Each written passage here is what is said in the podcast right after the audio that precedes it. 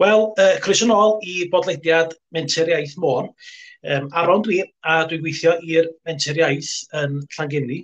Felly, um, da ni parhau efo cyfres o bodlediadau newydd sbon gyn y Menter. Wedyn, da ni yma i hyrwyddo'r iaith Gymraeg yn amlwg um, yn Sir Fôn, a sicrhau fod Ynys Môn yn parhau i fod y le cry ar gyfer y Gymraeg. Um, heddiw yma, dwi'n cael sgwrs efo Cai Saraceno, sydd o wreiddiol o'r Ffindir, a sydd wedi dysgu Cymraeg ar ugol yn ystod y blynyddoedd dwytha yma. Um, mae Cai yn astudio uh, Cymraeg ym Mhrifysgol uh, Bangor. A uh, croeso i bodlediad Menter Eith Mwan, Cai. Diolch yn fawr. Wedyn, y cwestiwn cyntaf o'n de, um, sut oes ti ar draws yr iaith Gymraeg yn lle cyntaf? Um, YouTube, basically. Um, oedd na just fideo o Iwan Rheon yn siarad Cymraeg o uh, Iwan Rheon o, wel, yn nabod o Game of Thrones. Game of Thrones. Uh, yeah. yeah. ac oedd o'n, siarad Cymraeg yn y fideo yma, ac um, dyn nhw'n gwybod pa iaith oedd o. Um, a wedyn nes i atrych mewn iddo fo a ffeindio allan bod, bod y Cymraeg yn, yn iaith sy'n bodoli a, ac yn y fain. Ac um, yeah, dyna oedd y tro gyntaf. O'n i wedi clywed am, am Gymru o'r blaen. O'n i wedi gweld y, y banner ac oedd yn edrych yn reit neis. Uh, o'n i'n meddwl... Um, Dwi'n cofio meddwl bod, um, o, oh, sy'n neis uh, os o Cymru efo rhywbeth ddiddorol, um, achos mae'r mae faner yn, yn cool. Ond, ie, um, yeah, wedyn eisiau ffeindio allan bod yna iaith hefyd. O gyd ti, o gyd ti ddiddordeb mewn ieithoedd beth bynnag? Um, Ella, ddim so, mae'n ma uh, cwestiwn anodd i ateb achos um, o'n i yn siarad mo, um, mwy ieithydd na, uh, na mo, rhywun foedran ni fel arfer.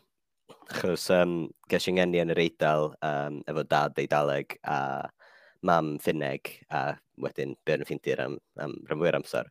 A nice. felly o'n i'n siarad Eidaleg a Finneg a wedyn dysgu Saesneg yn amlwg um, fel rhaid i chdi.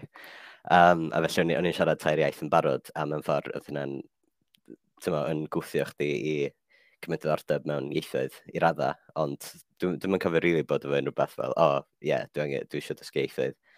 Um, dwi'n cofio dysgu swedeg yn yr ysgol, dwi'n ddim rili really yn licio fo o gwbl. Uh, a felly, ie, yeah, na, ddim rili, really, ond... Ydy, ydy dysgu ieithoedd yn dod yn hawdd i chdi?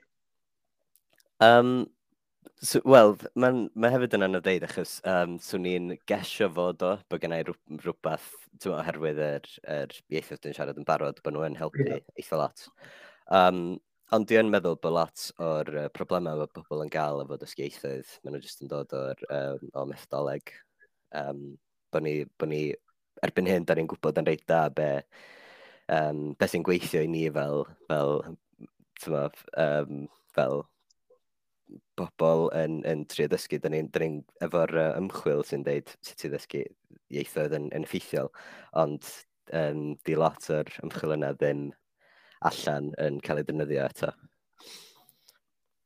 A, diddorol. Oce. Okay. uh, wedyn, ba bryd nes ti, ba bryd nes ti feddwl am ddwad i, i Gymru uh, am y tro cyntaf? Um, ar ôl dysgu, um, tua tri mis mewn i um, i ddysgu Cymraeg. Nes i feddwl, wel, dwi kind yn siarad Cymraeg rwan, felly dylswn ni probably mynd i weld uh, pa fath o lad ydy. Wedyn, pa mor, um, pa mor ymwybodol oeddech chdi o'r acenion gwahanol? Achos mae'n swnio mi bod gen ti acen eitha gogleddol. Wedyn, nes di, um, oedd o rhywbeth yn yr is ymwybod bod chdi'n pigo fyny'r acen Cymraeg yn ytrach ar ar un uh, tywed, acen de Cymru? Ta oeddech chi'n gwrando ar mwy o bethau gogleddol? Um, Wel, um, efo'r cwrs nes i wneud, um, y Saeson Fi'n Welsh, uh, oedd na ddewis reit yn y dechrau, cyn i chdi gael, actually, dechrau'r cwrs, um, y ba, pa fersiwn o'r cwrs oedd ti eisiau gwneud, yr un gogleddol, ta'r un deheuol. A dwi'n ah, cofio jyst meddwl, o, oh, um, mae'r ffintir yn y gogledd, um, felly na i jyst pico'r un gogleddol. Achos ar y pryd, do'n i ddim rili really yn mynd i ddysgu Cymraeg oedd e jyst yn, yn rhywbeth o'n eisiau o'n eisiau trio'r cwrs am, am hwyl. A felly, do'n i ddim rili really yn, yn rhoi llawer o... Uh, do'n i ddim rili really yn ystyried um, pa yn o'n i'n mynd i ddewis, yn eisiau just dewis un achos o'n i, eisiau trio fo. Ond wedyn ar ôl hynna, um, dwi'n dwi meddwl oedd na lot o, um, well, achos ni wedi dewis yr un gogleddol. Fyswn ni'n trio tyn bach, trio dewis um, bethau gwrando ar sy'n sy gogleddol fatha. O'n i'n um, on gwachod round a round i, just, i, just i cael ymarfer gwrando. Ah, um, yeah.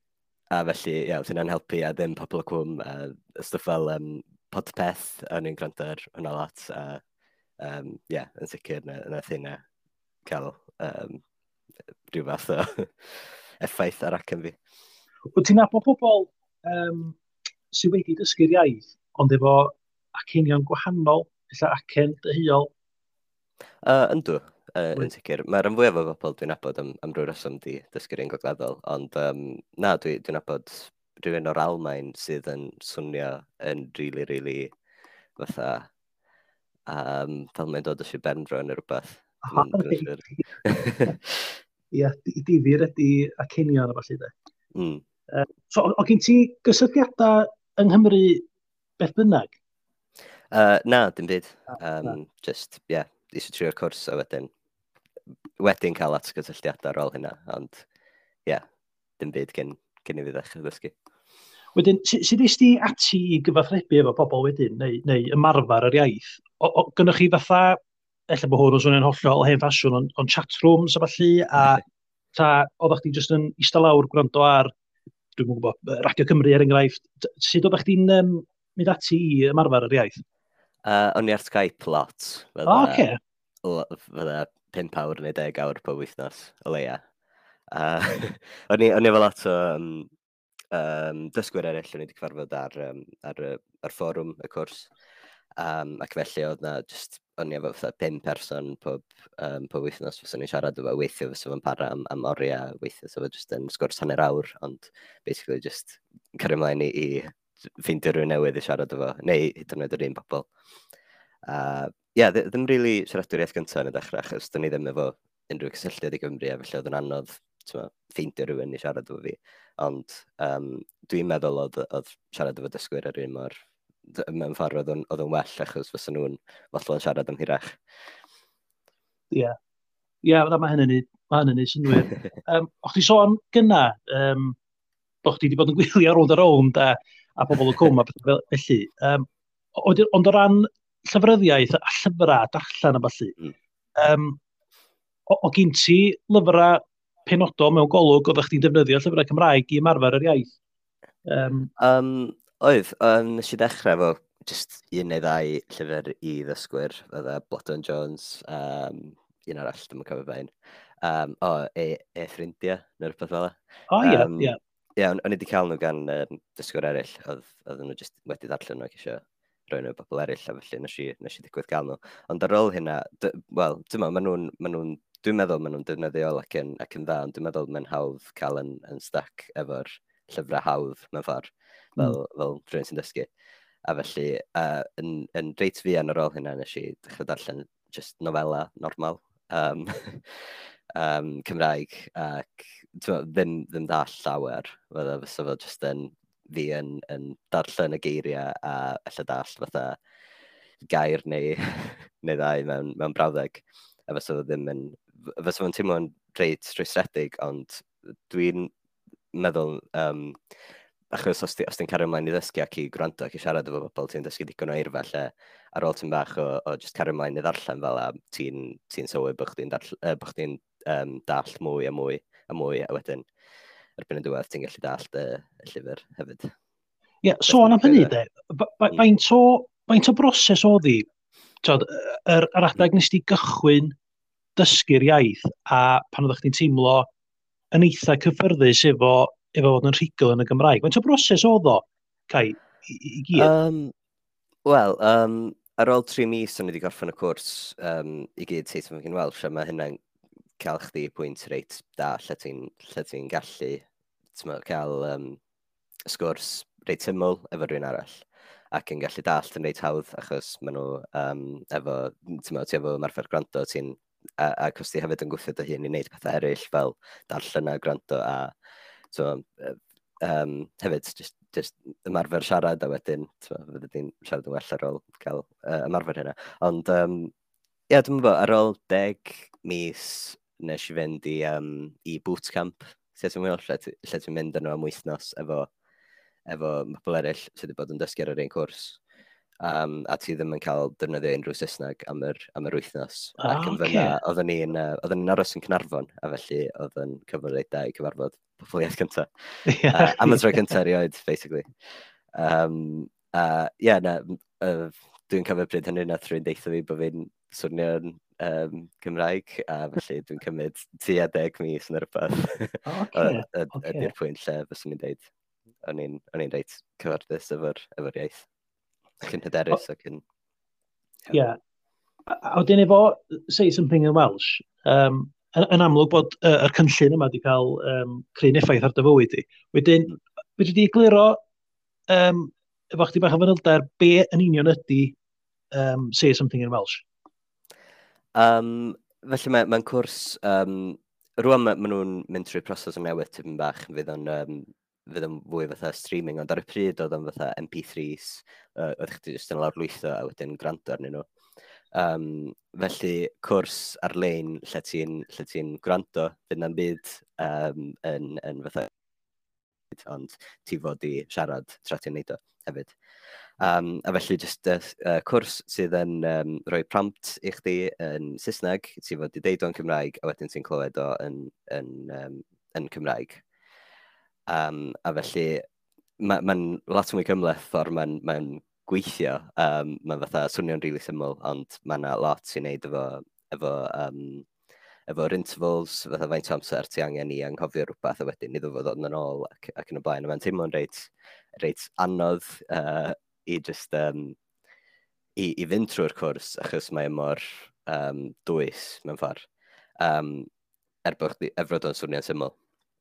Um, uh, yeah, wedyn mae yna ma, na, uh, rhywfaint o'r um, o ymarferion granto ynddo fo hefyd, um, sydd yn uh, rei ohonyn nhw, oedden ni'n galw nhw'n chipmunks, um, mm. lle oedd wedi cael eu cyflymu uh, i dwywaith neu tair gwaith uh, um, be oedd o'r blaen ac, um, ac oedd chdi jyst ddim yn, dwi'n meddwl fel siaradwriaeth gyntaf hefyd fysa fo'n reit anodd yn y dechrau i, um, i dallt be oedd yn cael ei ddeud, ond wedyn ti jyst yn cario ymlaen i gwrando arno fo bob dydd, ac eventually mae'n swnio normal, a wedyn ti'n gallu uh, cyflymu fo eto, a wedyn ti'n ti, ti mynd trwy'r broses eto. A mae hynna jyst yn helpu chdi uh, dallt um, rhywun sydd sy ddim yn siarad yn glir iawn fel siaradwriaeth gyntaf fel arfer. Um, a ia, yeah. um, cwrs rili really da, nath o fatha newid sut, be dwi'n, sut dwi'n meddwl am, uh, am dysgu ieithoedd yn llwyr. A uh, rwan dwi'n um, dwi, n, dwi wedi dechrau gweithio fo nhw.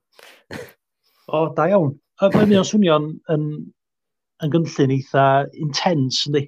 Yndi. Um, maen nhw'n trio wneud fersiynau bach yn wahanol rwan lle um, ti allan mynd bach yn arafach, ond mae dal yn fatha lot mwy effeithiol na, um, na ffyrdd traddodiadol o, o ddysgu iaith. Ti'n meddwl bod o'r iaith Gymraeg, bod o'n debyg i iaith neu ieithoedd eraill, ta ti'n meddwl bod o'r iaith Gymraeg yn hollol unigryw? Mm, uh, Wel, dwi'n meddwl bod Eidaleg wedi helpu fi rhywfaint efo, efo geirfa.